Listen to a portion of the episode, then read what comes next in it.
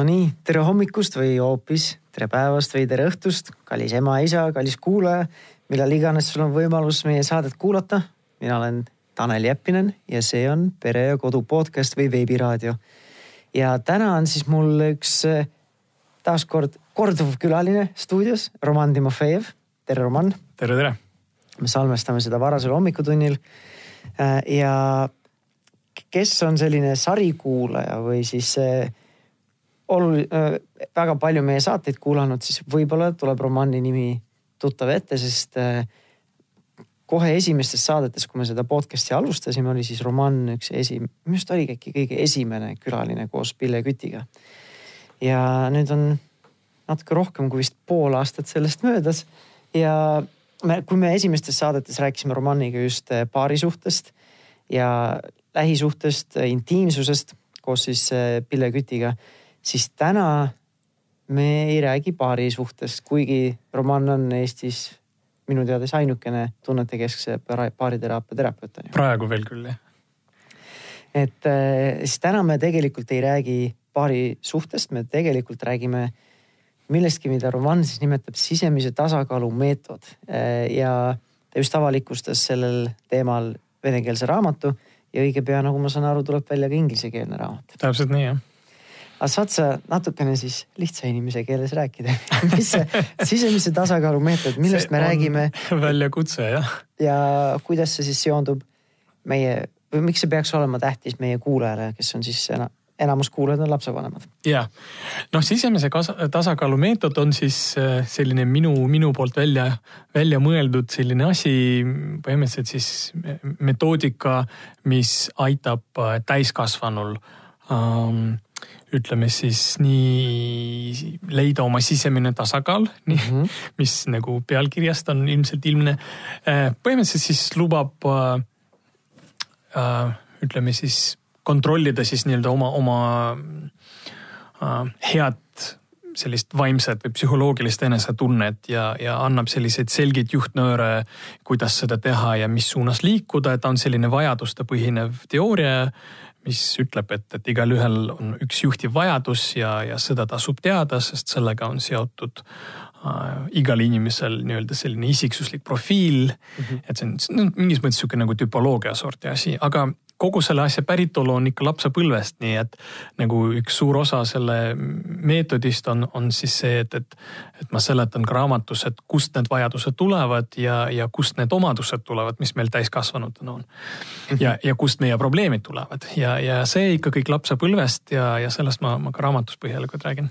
Ja, ja eks see niimoodi on, et mida sügavamalt tegelikult ise selle asjaga tegeleda ja iseendasse vaadata, siis äh, tundub, et ikka jälle see, see lapsepõlv nagu paneb paika meie sellise eelseadistuse või sellise kasvõi tundlikkuse või sensitiivsus mingite teemade suhtes või mis iganes? ikka, ikka, no üldse noh, vist omistatakse seda Walt Disneyle, seda ütlust, et, et ega täiskasvanud ei olegi muud kui, kui, kui lapsed, kes on suureks saanud. ja, ja ma arvan, et ta ise ei kujutanud ette, kui, kui, kui, kui, kui õigus tal oli nagu arengupsühholoogia mõttes, ega, ega see täpselt nii ongi mm. -hmm. eks neid psühholoogia suundasid on hästi palju ja ma viima-, viimasel paari kuu jooksul lugesin ja töötasin ise läbi.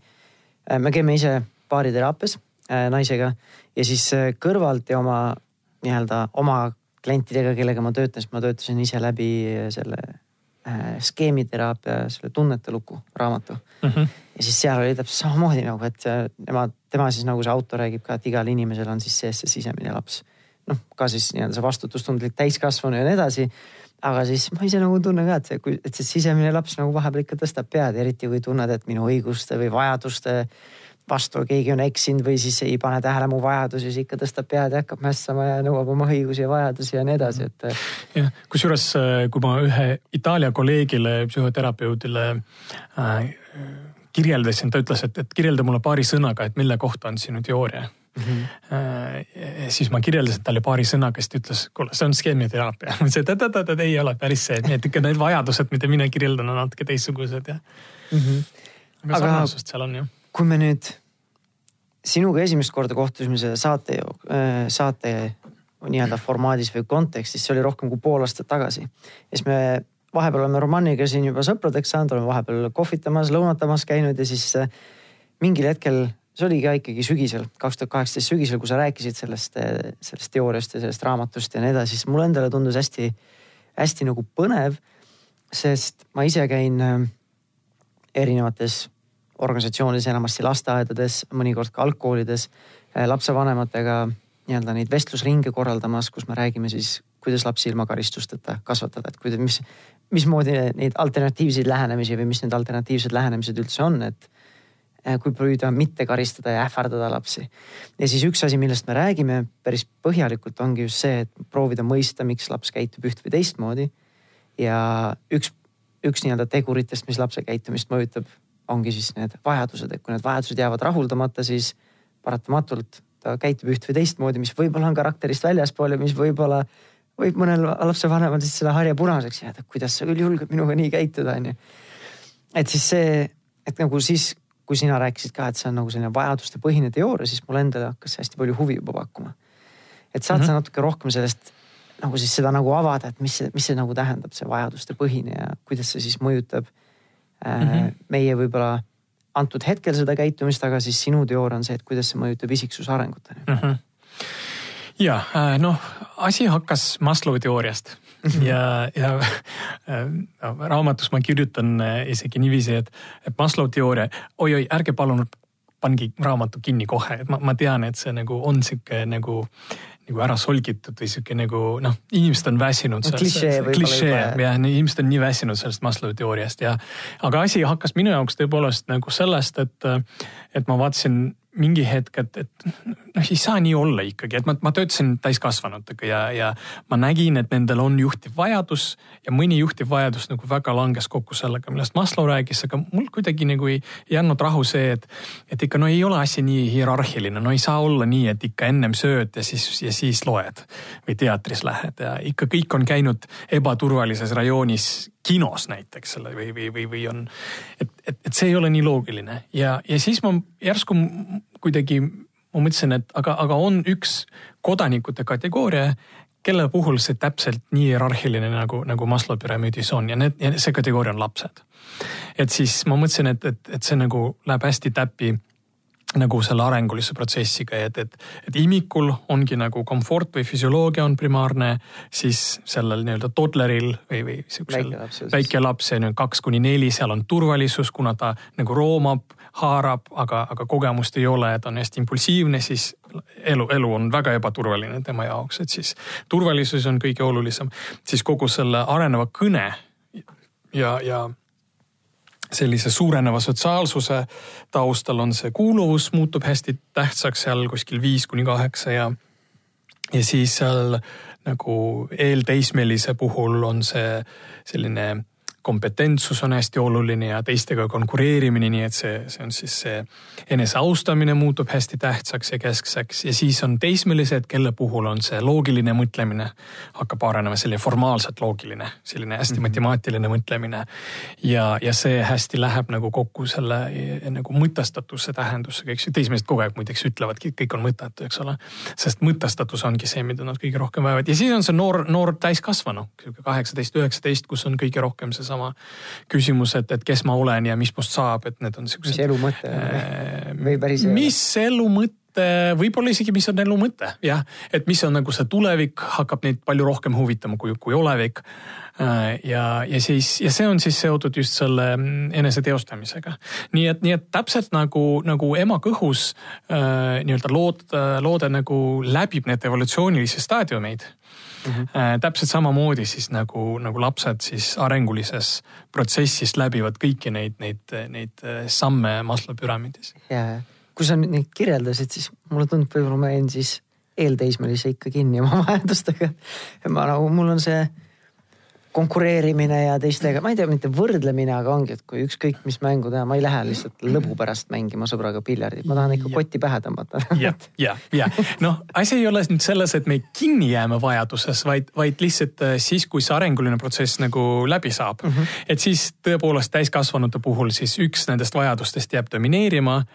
Äh, noh, lihtsalt me me käime läbi vajadustega teistmoodi, et vajadused on meil täpselt samasugused nagu lastel. me lihtsalt -hmm. käime läbi nendega natuke täiskasvanulikumal meetodil kui, kui lapsed ja siis, kui meil on suur stress või kui me ei tule toime või me siis kaotame sedasama sisemist tasakaalu, vot siis me muutume lapseks, mis on täpselt sedasama vanust mm. -hmm. mis on, mis on, mis kus, kus see vajadus nagu nii-öelda esmakordselt tuleb esiplaanile, nii et põhimõtteliselt kui, kui kui su juhtiv vajadus on, on eneseaustamine, siis, siis äh, muidu sa oledki täiskasvanu, aga stressi puhul, kui sa hakkad rumalusi tegema, sa teed rumalusi nagu kümneaastase poissi stiilis, mitte kolmeaastase poissi stiilis, vaid kümneaastase poissi stiilis mm. -hmm. ehk siis näiteks hakkad üle hindama oma võimeid täpselt, eks ju, hakkad äh, nagu, nagu tahad tõmmata koti pähe teistele ja, ja siis, ja siis enesehinnang nagu hüppab üles-alla ja mm, -hmm. ja, ja. no ma tean näiteks konflikti olukorras ma,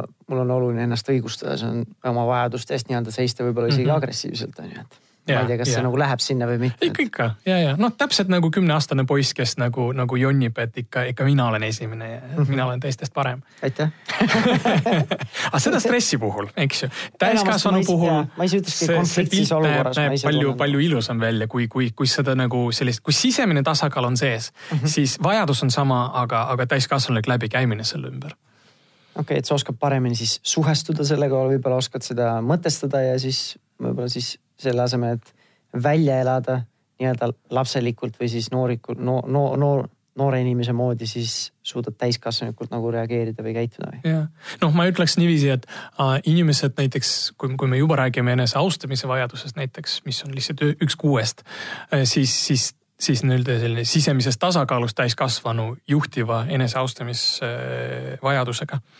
Need on ühed vastutustundlikumatest inimestest see vastutustunne on hästi kõrge, kompetentsus on hästi kõrge, töökus on hästi kõrge.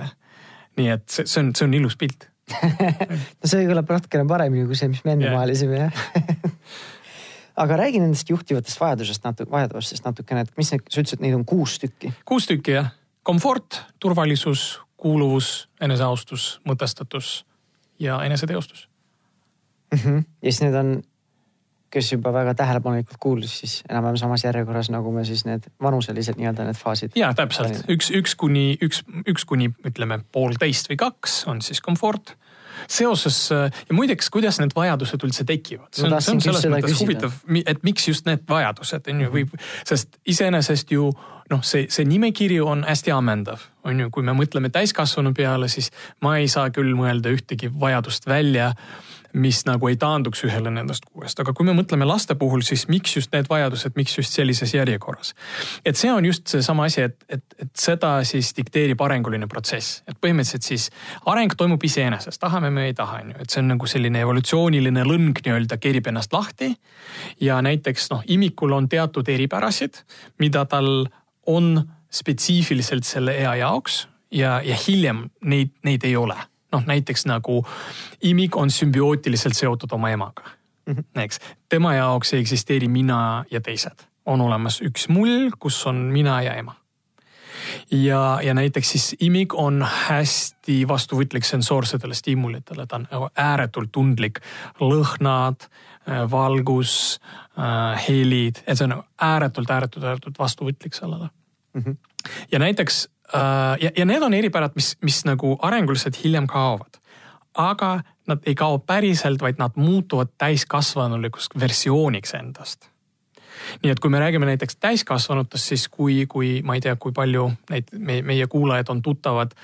see on tegelikult päris kuulus kontsept, on muutunud, need raamatud ka eesti keeles olemas, on selline asi nagu highly sensitive person, eks ju mm -hmm. nii-öelda, ma ei tea, kas ta on siis kõrgel. tundlik või ülitundlik. ülitundlik inimene mm. -hmm. mille kohta siis räägitakse, et see on siis lihtsalt selline nagu normi versioon, kus inimene ongi nagu noh, seal, kus meie sinuga võib-olla näeme ruumis, ma ei tea, kümme varjundit mm, tema näeb kolmkümmend. kas nad on kergesti hästi ülestimuleeritavad ka?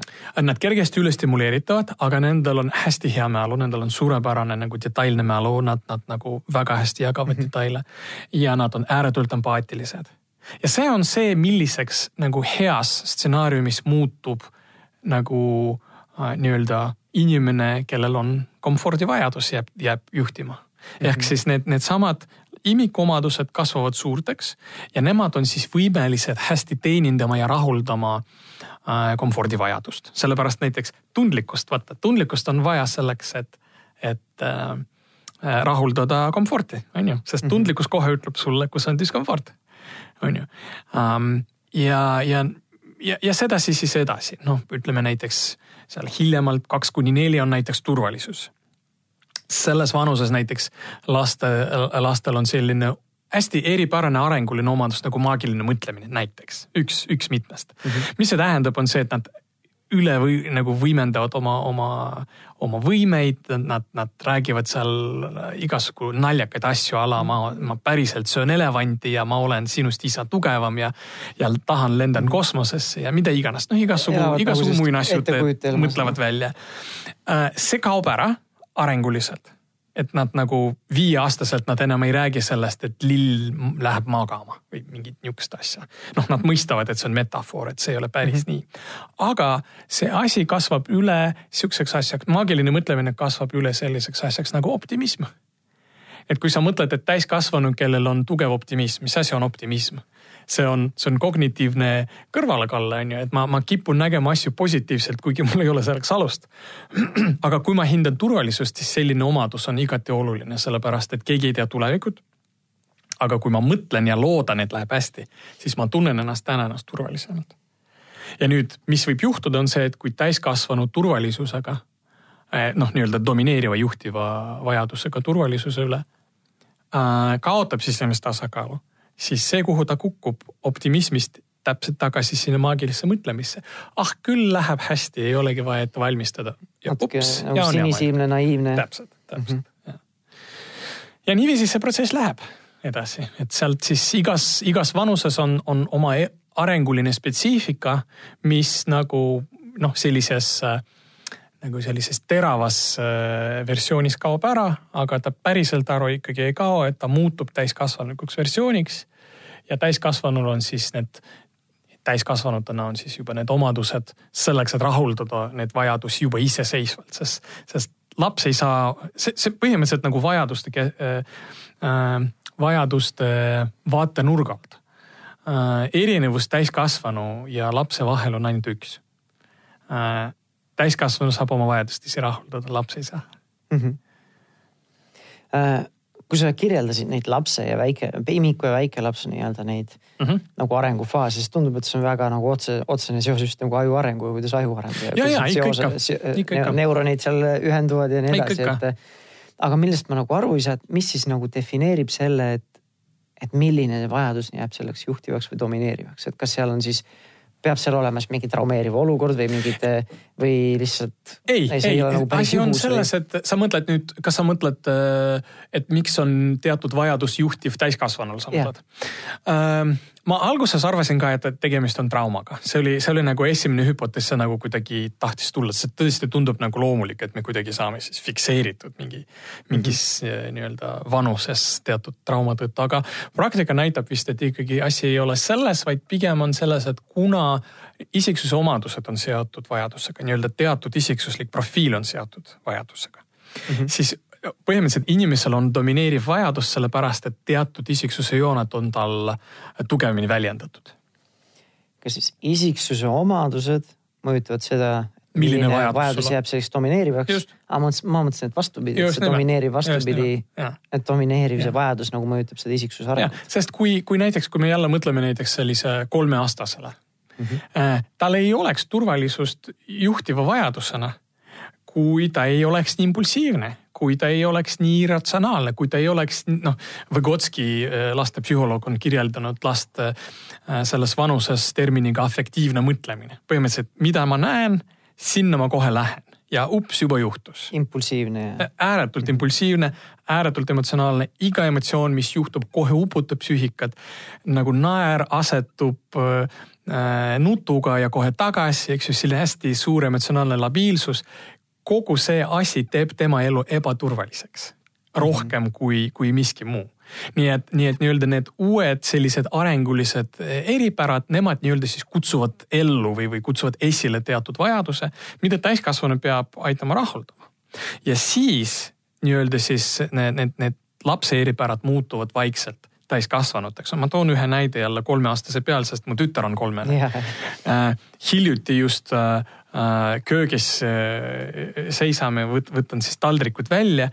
ilmub siis mu tütar kööki, näeb, millist taldrikku ma võtsin välja ja vaatab mulle ja ütleb mulle väga emotsionaalse valju häälega. ei, ma seda taldrikut ei taha. ma tahan seda taldrikut, kus on linnuke peal.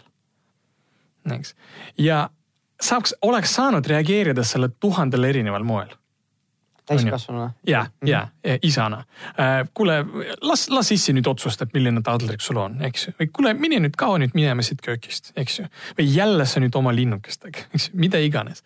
aga see, mis ma talle ütlen see hetk, on see, et kuule, väga vahva, et sa tead, mis sa tahad. see on nii tore, mul on sedasi palju lihtsam sest, sest kui sa täpselt tead, mida sa tahad ja kuhu sa lähed, siis minul on palju lihtsam sellega. ja mida ma sellega teen, on see, et ma aitan äh, lapsel äh, muuta see nii-öelda noh, ma nii-öelda tirin ta nagu arengulises plaanis äh, nii-öelda arengus edasi. sest näiteks äh, üks eripära veel, mis, mis lastel on kolmeaastasena, on see, et nad on äh, tänu selle afektiivse mõtlemisele põhimõtteliselt nagu nendel ei ole võimalik, äh, noh, nendel areneb tahtejõud ja sellega seoses on väga raske nendele midagi peale suruda. kui sa, kui sa oled kolmeaastasega mänginud, siis sa tead, et, et kui tal on mingi mõte või kuhu ta läheb, sinna lähed sina ka põhimõtteliselt. et on väga raske temaga selle koha pealt vaielda. ja see on tegelikult hea asi, sest täiskasvanuna see asi kasvab üle ähm, liidri äh, omadusteks, et ta on hea eestvedaja. et ta oskab juhtida teisi. nii et see on selles mõttes väga oluline, et ma nähes neid asju, ma võtan neid vastu ja, ja toetan neid ja, ja näitan talle, ahah, väga hea, see, mis sa teed täiskasvanutel näeb välja niiviisi. ja sedasi ma siis aitan tal need omadused teha tugevamaks, mis nagu vähendab seda tõenäosusest, et kui ta suureks saab siis kaotades ta, sisemist tasakaalu, ta ei kuku enam kolmeaastaseks, vaid ta nagu on võimeline seda tasakaalu hoidma ja, ja, ja läbi käima oma vajadustega täiskasvanulikul moel. ehk siis, kui sa saad sellest arengufaasist aru ja toetad laps, last nii-öelda vajadustepõhiselt sel, selles faasis, siis äh, sa nagu tõstad seda tõenäosust, et äh, stressi, konflikti kogedes täiskasvanuna ta suudab iseendaga paremini hakkama saada. täpselt nii jah mm. -hmm. väga põnev räägime natuke veel praktilisematest asjadest, sest äh, kui sa hakkasid rääkima sellest afektiivsest mõtlemisest, siis ma ise mõtlen küll, et et just see, mida sa kirjeldasid, see ülim impulsiivsus, emotsionaalsus, see võimekus või nii-öelda omadused, emotsionaalselt seda äh, meeleseisundit nagu vahetada silmapilkselt ja täiskasvanu nagu väga üllatuslikult, et kuidas sa nüüd, enne olid vihane, nüüd oled rõõmus või nüüd olid rõõmus, nüüd oled vihane ja siis seesama see tahtejõud ja see iseseisvuse ja autonoomsuse selline esile tõusmine ja, ja nii edasi. ise, ise, ise ja et siis need on tegelikult just needsamad asjad, mille me, mis nii-öelda siis neid värskemaid, nüüd võrdlemisi värskeid lapsevanemaid, kellel on nüüd see kaheaastane, kahe poole aastane kodus. Need on need esimesed väljakutsed, kus kuidas ma nüüd selle lapsega hakkama saan nagu, ta on üle käte läinud ja nii edasi, aga tegelikult on ju täiesti normaalne, ta käitub eakohaselt. ja absoluutselt. et, et mis, mis on veel sellised nagu tegelikult eakohased ja loomulikud asjad, mida sa ise nagu oled märganud, mis tegelikult siis lapsevanemat, ma ei tea, kas siis ajab kimbatusse või segadusse või, äh, või mis, äh, millega nad ise nagu ei oska võib-olla loomupäraselt hakkama saada, et tahavadki hakata mhm. kohe siin rivistama ja karistama. no, no su suurim klassika ja, ja pereteraapias on seda nagu näha igapäevaselt, on, on see teismeliste iseseisvuse nõudmine ja, ja eraldumine ja, ja grupeerumine niisuguste kambadesse mm -hmm. hängimine poodides ja, ja mida iganes, et need, need on kõik arenguliselt täiesti okei okay asjad. aga täiskasvanud nagu kardavad neid, sest, sest teismeline on selles mõttes ikka väga, väga kummaline olend, et ta nagu ta on Näe, peaaegu täiskasvanu. näeb välja vähemalt täiskasvanulikum, aga aju, aju nagu täiskasvanu aju ei ole enam veel no.. täpselt, täpselt jah, et, et nendel on nagu seda äh, noh, Daniel Seagal on, on Ameerika uurija, on, on see mees, kes on hästi põhjalikult kirjeldanud seda, mis, mis äh, teis, teismeliste ajus toimub nagu kognitiivselt ja, ja, ja neuroni tasandil, et seal on väga palju neid neuroni seoseid, mida lõigatakse läbi ajus. sel, see nagu loomulikult see protsess toimub, sest nagu kui ennem laps on nii-öelda nagu nagu võtab kõike sisse, siis, siis nüüd nii-öelda see identiteedi asi nagu nõuab, et, et ta nüüd loobuks mingist asjast, et, et, et noh, vaata ei ole võimalik aru saada, kes ma olen eh, ilma selleta, et ma ütleks, et kes ma ei ole. Hmm.. onju, ja, ja see eeldab seda, et nad nad, nad käivad gruppides, nad proovivad identifitseeruda ühe või teise või kolmanda asjaga, noh, kuidas sa ikka saad aru, et kas särk sobib või mitte, kui sa ei proovi. Ja täpselt sama eesmärgiga nagu, nagu teismelised siis peavad käima kambas ja peavad proovima, et, et kas see olen mina, kas see ei ole mina. sealt tuleb see ilmselt see sotsiaalvõrgustiku selline nagu surve ka, et me peame nagu kuulma kuhugi, kuhugi gruppi nagu või no pigem noh, jah, selles mõttes seal, seal see surve on loomulikult seal hästi suur, et, et aga, aga see eesmärk miks nad kogunevad gruppidesse, on paradoksaalselt selleks, et aru saada, kus nemad on selle sees. et leida iseennast. jah, täpselt, täpselt. ja kes, kellel on teismeline ja see teismelise aju ja see nagu väga huvitav, siis see autor, keda romaan siin kellest rääkis, on siis Dan Siegel või Daniel Siegel ja eesti keelde on ka tõlgitud üks äh, tema raamat selleteemaline Ajutorm. teismelise mm, -hmm. teismelise aju jõud ja siht. Et see on raamat, mida ma ise olen lapanud ja nii-öelda lehitsenud, aga meil on õnneks natukene aega sinna teismeliseni. aga et kui ma ise peredega nii-öelda töötan, siis ma olen nagu seda natukene sellele raamatule no, viidanud. kui me arengus hüppame tagasi näiteks äh, laps, kes kindlasti ei taha leida ennast grupis, vaid tahab olla nähtamatu grupis, ta tahab olla osa grupist, et täiesti võrdne teistega, on kuuene-seitsmene noh, okei okay,, ma oleks isegi järg-, ma oleks millegipärast ise automaatselt järgmist, järg, järgmist nagu pakkunud. see on tihtipeale väga suur väljakutse vanematele, eriti kui laps näiteks äh, lasteaias pole käinud, läheb kooli ja, ja siis on see, et aga õpetaja ütles nii sa ei ütle õigesti või aga sellel ja sellel ja sellel on see ja see asi ja nemad teevad asja nii ja nii ja nii. et nad võtavad üle keelekasutust, eks ju, nad toovad veidraid sõnu koju, mida kodus ei kasutata. ja see on okei okay,, nad, kui nad äh, ei koge äh, läbi selle konformsuse äh,, et nad on osa grupist, siis äh,, siis hiljemalt elus. Nad ei ole võimelised läbi käima kuuluvusega täiskasvanulikul moel. Nii et nad ongi, nad jäävadki konformseteks, noh, kui nad, kui nad kasvavad välja sellest, siis, siis konformsus, lapse konformsus nagu areneb täiskasvanu adaptiivsuseks, eks ju, et ma olen paindlik, ma olen võimeline mängima nagu erinevates gruppides nende gruppide reeglite järgi nagu, aga mingis mõttes ma ikkagi tean, kus, kus mu piirid on. kas nagu emotsionaalne paindlikkus läheb ka sinna, et ma suudan ise oma emotsioonidega hakkama saada ja nii edasi või? ja, nojah, sellepärast et vaata imikaisa ei tule toime oma emotsioonidega ise ja toddler ei tule oma äh, emotsioonidega meil nelja-aastane kindlasti. seitsmeaastane tuleb juba toime oma emotsioonidega, sest tema aju on selleks küpsenud mm. -hmm. see on nagu põnev, just nagu mõtlengi just selles samas valguses, et, et õppida ise aru saama nagu arengufaasiliselt, millised on minu sellise lapse, ma ei tea, kas nagu vajadused või areng, arengustaadiumist, arengustaadiumile vastavad vajadused. Et olla nendest teadlik, et aidata tal siis nii-öelda olla, ma ei tea, kas vastutustundlikum või siis küpsem ja iseendaga paremini hakkama saav mm -hmm. äh, täiskasvanu, sest see on ju ma arvan, et enamus lapsevanemad nõustuvad, et see on see, mida ma näen iseenda rollina lapsevanemana, et mhm. aidata uh -huh. oma lapsest Eh, kasvada selline küps iseendaga hästi hakkama saav, ühiskonnas hästi opereeriv, eh, orienteeruv noor täiskasvanu. absoluutselt, jah. ja, ja noh, siin ongi see, et, et, et armastust nagu kõige üldisem sõna on armastus. aga see armastus, mida, mida kõik lapsed vajavad kõikides vanustes ja ka täiskasvanud on ju, erinevates vanustes ta siis võtab natuke erineva vormi, erineva keele kui, kui, kui, kui soovid. et, et siis nagu imiku jaoks see armastus tuleb ikkagi kõige rohkem puudutuse tasandil mm. on ju ja, ja toddleri jaoks siis ta tuleb nagu kõige rohkem sellise nagu emotsionaalsel tasandil, eks ju, ja selliselt intonatsioonil ja, ja eks toddleritega me räägime niisuguses hääles, paisutame üle ja niiviisi. ja, ja noh, siis sellise kooli algava lapse jaoks siis armastus tuleb ikkagi kõige rohkem äh, nagu jagamises, et ta saab lobiseda, ta saab lobiseda välja seda kogemust, mida ta saab, eks ju. et ta peab jagama, muidu ta nagu upub üksildusse. Äh, ja, ja siis nagu hiljem nagu sihuke kaheksa, kümme, see on see eneseaustuse periood, seal on siis see armastus tuleb uhkuse keeles. mis ma olen uhke su üle, kallis laps, ma olen uhke su üle, et sa. tunnustus. jah, et tunnustus ja, ja sihuke ja kusjuures tunnustus asja eest mm. -hmm. et kui sa, kui sa põhimõtteliselt, kui sa kiidad äh, nagu kehva töö eest kuueaastase, ta on nii happy mm. -hmm. kui sa kiidad kehva töö kümneaastase, ta on õnnetu ta on õnnetu, sest ta teab, et ei teinud piisavalt hästi.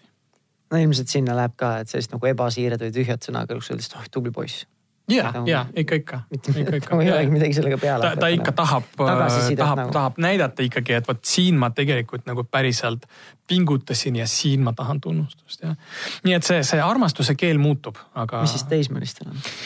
Äh, teismelistel on, on no olulise, oluline osa on ikkagi nii naljakas, kui ka see ei kõlaks eh,, välimus. et, et sa oled kena minu silmis ükskõik kui, kui, sest nende, nende välimus muutub drastiliselt. eks ju, et päeva, päeva jooksul sa tuled nagu, nagu põhimõtteliselt see, see ei ole väga suur ülepaisutamine, see natuke on, aga põhimõtteliselt kui, kui vaata, kui, kui, kui meie keha nagu väga ei muutu, on ju, me hommikul tuleme, vaatame peeglisse, me oleme enam-vähem samasugused nagu eile. soeng on sassis. ja võib-olla soeng on sassis või, või siis ma ei tea, äh, kotid on äh, silma all, on ju aga siis teismelid, teismelistega on see, et, et peamiselt üle päeva su nagu nina nagu läheb proportsioonist väljas või kõrvad lähevad proportsioonist välja. et see on nagu, tüdrukutel on need muutused veel suuremad, eks ju, veel, veel nagu um,.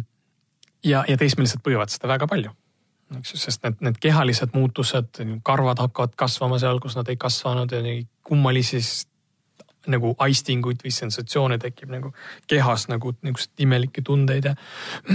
nii et mida nemad vajavad, on, on, on äh, loogilisus. eks ju, et, et, et, et maailm on mõtestatav, et maailm on loogiline ja nad vajavad imetlemist mm.. ja, ja siis loomulikult äh, nagu see kõige hilisem nii-öelda staadium on siis äh, on läbi, läbi loom-, nagu läbi inspiratsiooni. et, et ma enam ei osale väga, et ma lasen sul toimetada, ma lasen sul olla, aga ma inspireerin sind. Hmm.. ma mõtlen selle teismelise kohta, ma küll tean ja võib-olla, jah, võib-olla olin isegi üks nendest teismelistest, kes ma nagu väga ei hoolinud, nagu hoolisid võib-olla, ma, ma ei teagi nagu, siis mõtlen, et võib-olla välimus oli nagu tähtis, aga näiteks see, et sa higistasid ja olid higine ja ei tahtnud pesemas käia, siis see nagu, see nagu ei olnud tähtis, et sa haisid higi järgi. seal on ja see on, see on natuke ja see teismelise iga on huvitav iga nagu,. see nagu hügieen kõik... ja üldse see nagu korras hoida, tuba on alati segamini ja sassis, vanemad ja. tänitavad võivad nädal aega tänitada, ikka see tuba korda ei saa nagu. see on muideks seotud ühe, ühe teise eripäraga ähm,. Ameerika äh, psühholoog Frank Putnam, kes äh, Äh, siis kliiniline psühholoog, kes uurib äh, dissotsieerimisprotsesse, mis on põhimõtteliselt siis see, et äh, noh, me teame nagu õudusfilmidest, eks ju, doktor Jekyll ja Mr Hyde on ju nagu see, et psüühika lõhestub, on ju. et ühe inimese sees on kaks inimest, kes ei tunne teineteist, on ju seda tüüpi protsessi ja noh, muidugi dissotseerumine on, on sihukest äh, pehmemat sorti nagu, nagu sihuke nagu daydreaming, eks ju, et sihuke unistamine, et kus ma ei ole päris siin, on ju, ma nagu olen sügavalt fantaasias, ma nagu kaotan oma arusaama, kus ma olen nagu või, või kaotan arusaama ajast, on ju näiteks korraks nagu jäin mõtetesse ja ärkasin üles kolm tundi möödas. et seda, seda kõike nimetatakse psühholoogias dissotsieerimine. ja tema siis kolleegidega uuris äh, neid protsesse ja mis nad leidsid, on, on kui nagu üldpopulatsiooni eh, võtta, siis loomulikult see protsess on kõige tugevamini väljendatud inimestel, kellel on niinimetatud dissotsiatiivsed häired.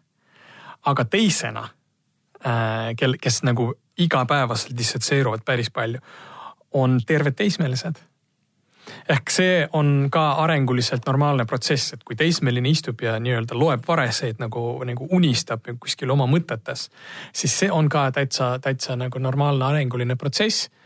Ähm, ja noh, tihtipeale noh, nende nagu selline naljakas eripära on see, et, et näiteks mis vahe on, on neljateistaastasel ja kaheksateistaastasel. Ähm, neljateistaastasele piisab fantaasiast, et mina olen kunagi äh, rikas. ja see fantaasia teda täiesti rahuldab. et ta ei peagi pingutama et teda nagu noh, nagu, nagu see anekdoot matemaatikust, eks ju, kes näeb selle tulekustuti, tulejooksu, tule noh, tulekahju nagu hotellis ja siis ta tuleb oma toast välja, näeb tulekustutit, ütleb, et ahah, lahendus olemas ja läheb tagasi tuppa mm.. et sihuke nagu, nagu formaalselt loogiline, aga, aga, aga te ei peagi nagu midagi tegema.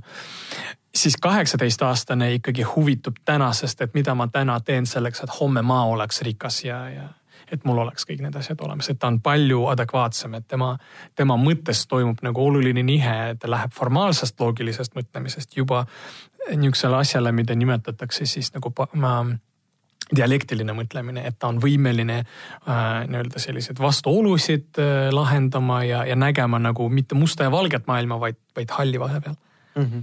nägema, et kui ta midagi ei tee, siis ega midagi ei tule, no et looma seoseid. täpselt jah.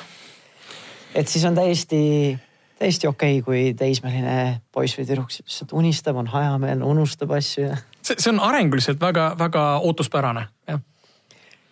ma, ma tunnengi, et see on nagu selline asi, millest äh, paljudel vanematel on nagu puudu, et ongi nagu aru saada, et see, kuidas mu laps käitub, on täiesti okei okay. uh. -huh. sest kui ma just hiljuti lugesin seda aju arengu teemat ka, et siis seal oli samamoodi täiesti loogiliselt nii-öelda ära seletatud aju arenguliselt, et miks siis teismelistel see korra vajadus on väiksem kui näiteks äh, ongi väikelapsel, sest väikelastel vaadake mingi kolmeaastase või vahepeal isegi varem kaheaastane, tal on nagu väga pendantne, et vahe, kõigil peab olema oma koht.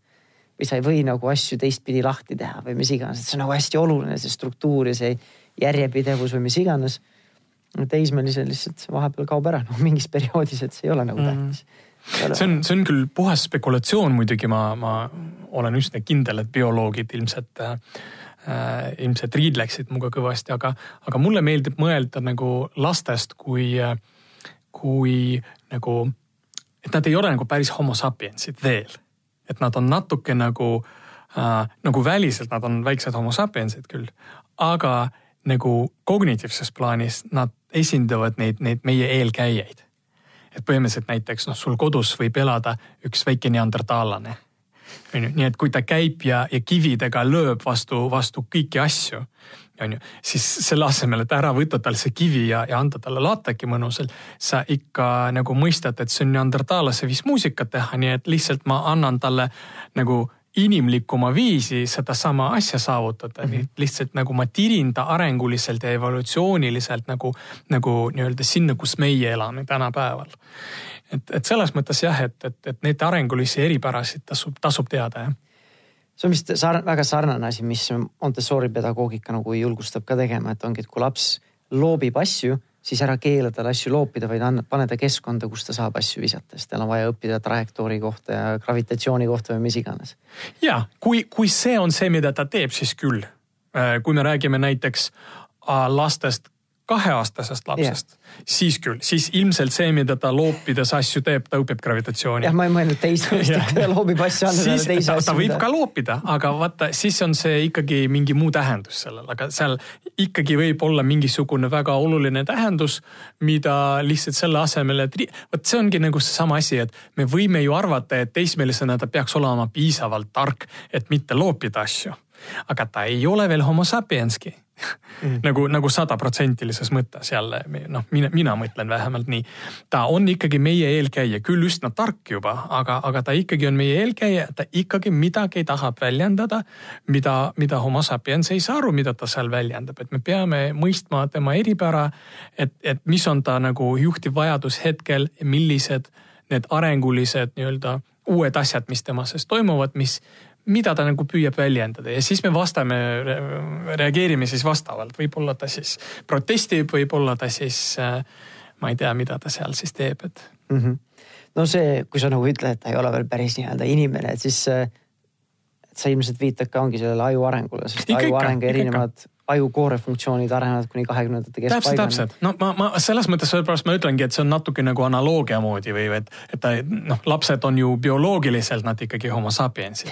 aga kuna see nii-öelda see, see, see arengulõng ei ole, ei ole ennast lahti keranud nagu sada protsenti, siis nad nagu ikkagi meenutavad kognitiivses mõttes ikkagi meie eelkäijaid Mm -hmm. ja ma arvan, et näiteks noh, minu jaoks näiteks imik on sihuke nagu australopiteeki moodi on ju, põhimõtteliselt siis äh, orienteerub lõhna äh, järgi, orienteerub heli järgi peamiselt tegeleb söögi otsimisega ja, ja, ja, ja, ja muud ei ole midagi, eks ju, sihuke lihtne, lihtne, lihtne loom mm. -hmm. ja noh, eks see kõige hiljem siis arenevadki välja need ajukoore funktsioonid, mis vastutavadki otsustusvõime eest ja, ja nii edasi no.. ja, ja. väga põnev, aga kuidas sa, kui kellelgi nagu sest me selle kolmveerand tunni jooksul, mis me varsti lobisenud oleme, ilmselt kõiki vastuseid ei ole saanud anda nüüd selle lapsevanema eest. mõni, mõni, nii mõnigi lapsevanem tunneb, tunneb, et pärast seda kolmveerand tundi on rohkem küsimusi isegi kui vastuseid nagu. et ta nagu yeah. adub küll, et võib-olla peaks nagu aru saama mingitest asjadest, aga kus, oskad sa mingeid ressursse soovitada siis? kus siis see uudishimulik, arenemishimuline lapsevanem võiks saada infot, et mis on siis need eakohased ootused millised on need vajadused, mis on eakohased ja mida siis, mille suhtes peaks ise ka nagu võib-olla kas tundlik olema või tähelepanelik olema, et see on täiesti okei okay. ja täiesti normaalne, kui laps käitub niipidi või tal on mhm. sellised vajadused mm. -hmm. no sõltuvalt siis sõltuvalt vanusest, need on, need on erinevad allikad muidugi, noh. kõige parem variant oleks minna, võtta endale vabakuulajana üks arengupsühholoogia kursus.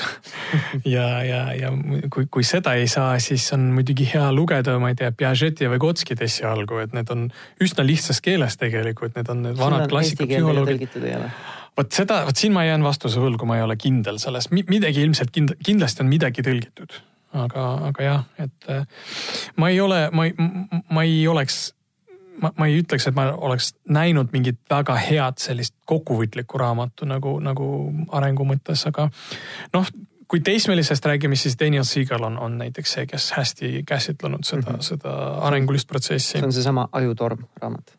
just. Eestikeelne ka. just, just ja ma mõtlen, noh, üldiselt need, need ähm, nojah, need kõik, kõik raamatud ei ole nüüd eesti keeles ka olemas, aga noh, ütleme seesama see, ta nüüd küll ei ole, ma ei tea, kas nüüd see on lastest olemas, nüüd seesama sotsiaalne emotsionaalne intelligentsus Daniel Golemanil äh,. ta on kirjutanud siis ka nii-öelda oma lapse emotsionaalse intelligentsuse arendamisest ja seal, seal on nagu üksjagu infot, et mis, mis nagu arenguliselt toimub seal kaks kuni neli, aga noh, muidugi siin on peamiselt muidugi inglisekeelne kirjandus nagu et tänapäeva maailmas ma ütleks, et Alan Shore, sihuke autor on, on, on inimene, kes on nagu läbinisti kirjeldanud, sest nüüd, nüüd on see, et, et neuroteadus on, on, on kinnitanud kõiki neid asju seal MRT uuringutega, et mis täpsemalt seal ajus toimub. ja ta on kirjeldanud seda nagu inimlikus keeles, kusjuures just kevadel praegu tal tuleb üks raamat nagu laiale publikule. sest muidu ta kirjutab psühholoogidele, aga mm -hmm. nüüd laiale publikule just tuleb nagu selline äh, lapse arengut kuni vist neli või viis aastat käsitleva nagu arenguraamat. hästi põnev, nii et. mis selle autori nimi oli äh,? Alan Shore. okei okay., et keegi mm -hmm. on väga uudishimulik, siis saab selle üles otsida. Inglise keeles saab lugeda jah. ja ma ise soovitan ka pigem nagu kindlasti autorite vahel on ka väga suuri erinevusi, kes kuidas esitleb seda informatsiooni ja kui teadlik on, aga ma ise soovitaks pigem viimase aja uuri- äh,, nii-öelda raamatuid vaadata kui kakskümmend aastat tagasi, sest see aju arengule toetuv, see kasvatus nii-öelda soovitused, see on minu arust viimasel kahekümnel aastal väga palju arenenud. ja, ja ma pean ütlema, et muidugi ausalt öelda ma ütlen, et, et see on huvitav asi. ajalugu on, on vist tsükliline ja, ja need asjad, mida psühhanalüütikud, vanad psühhanalüütikud on avastanud laste arengu kohta ja nagu Freud, kuidas on kirjeldanud psühhoseksuaalset arengut või, või Erik Erikson on kirjeldanud nagu arengut või, äh, või Alfred Adler näiteks, kuidas on kirjeldanud lapse arengut. et väga paljud asjad, mitte kõik muidugi, aga mõningad asjad väga põnevalt saavad tänapäeval kinnituse neuropsühholoogia kaudu et mis on hästi põnev, et kuidagi nendel oli ikkagi piisavalt kogemust ja kuidagi insight'i nagu, nagu laste psüühikasse jah. et äh, jah, et, et paljud asjad nagu praegu saavad, saavad kinnituse, nii et need, ega need vanad autorid nagu noh, kui, kui enese, kui, kui kriitiliselt lugeda, kriitilise mõtlemisega, siis need vanad autorid on, on täitsa ka head mm. -hmm väga hea, aitäh selle, selle kommentaari või lisa eest, et äh,. me hakkame otsi kokku tõmbama, et kui äh, ma tean, et sinu raamat just ilmus vene keeles, on mingil hetkel lähiajal ilmumas inglise keeles, eesti keeles seda ilmumas ei ole. ei ole, aga ma olen avatud. põhimõtteliselt esimene pakkumine, mis tuleb, ma ilmselt ütlen sellele jah, ma olen huvitatud seda, seda tõlkimist vene, eesti keelde ka, aga, aga. kui meil on siis venekeelseid või vene keelt väga hästi valdavaid kuulajaid, et kust nad, mis selle raamatu nimi on ja kust seda raamatut leida venekeelsed. saab? venekeelsed. Mhm. Vene, venekeelse eh, raamatu pealkiri siis kõlab nagu ikka Vnutrine ravnovesje aga ma olen, kuna ma olen siis nii-öelda välja andnud seda nii-öelda ise mm, -hmm. et, et siis seda ei ole müügis äh, poes, seda ma müün ise otse oma, oma käest on sul selleks koduleht või kus seda leida? kodulehte mul otseselt, ma, ma ei ole viitsinud kodulehe teha, ma olen, ma olen laisk olnud, aga, aga Facebookis, kui mind eh, otsida üles ja kirjutada, noh, mul on, mul on avatud Facebook, et seal ei pea isegi mm -hmm. sõber olema minuga, et seal kõik postitused näha. et siis, kui mulle lihtsalt Facebooki kirjutada, et siis ma kindlasti vastan ja saadan siis lihtsalt postiga selle raamatu no selge, kui kellelgi väga suur huvi tekkis ja valdad vene keelt, siis äh, otsige Roman Timofejev Facebookis, Facebookis ülesse yeah ma ei tea, kas neid on mitu, aga noh. või siis, siis äh, võib mulle kirjutada meilile ka roman.timofejev at mail.ee. no näed, et saab emaili või Facebooki kaudu ühendust, kui see raamatu huvi on olemas. ja suur-suur aitäh sulle, Roman, et ma tean, et täna oli selline hästi nagu palju infot võib-olla andev äh,, aga ma arvan, et väga mõtlemapanev või selline silmi avav vestlus. oo oh jah, see, ma usun, et see oli päris, päris raske, ma seitseteist aastat minul võttis, et panna kokku raamat, mis on sada kolmkümmend neli lehekülge, nii et nii et ma usun, et see on küll päris, päris intensiivne värk, aga tänan kutsumast. aitäh, hea meelega, teinekordki. ja aitäh sulle ka, kuulaja, et sa võtsid aega siis meiega kolmveerand tundi veeta ja ma loodan, et oli huvitav, oli põnev, said mingeid mõtteid. Ja järgmine saade tuleb välja juba järgmisel nädalal, nagu ikkagi iga laupäev ja vahepeal võid silma peale visata Delfi ja Pere ja Kodu veebiväljaannetele ja Facebooki lehtedele, kus tuleb igapäevaselt lapsevanematele olulistel teemadel artikleid välja. ja kui sa tahaksid minuga kahepoolsesse suhtlusse astuda, siis minu leiad Facebooki grupist Positiivne ja rahumeelne vanemlus. aitäh kuulamast ja järgmise korrani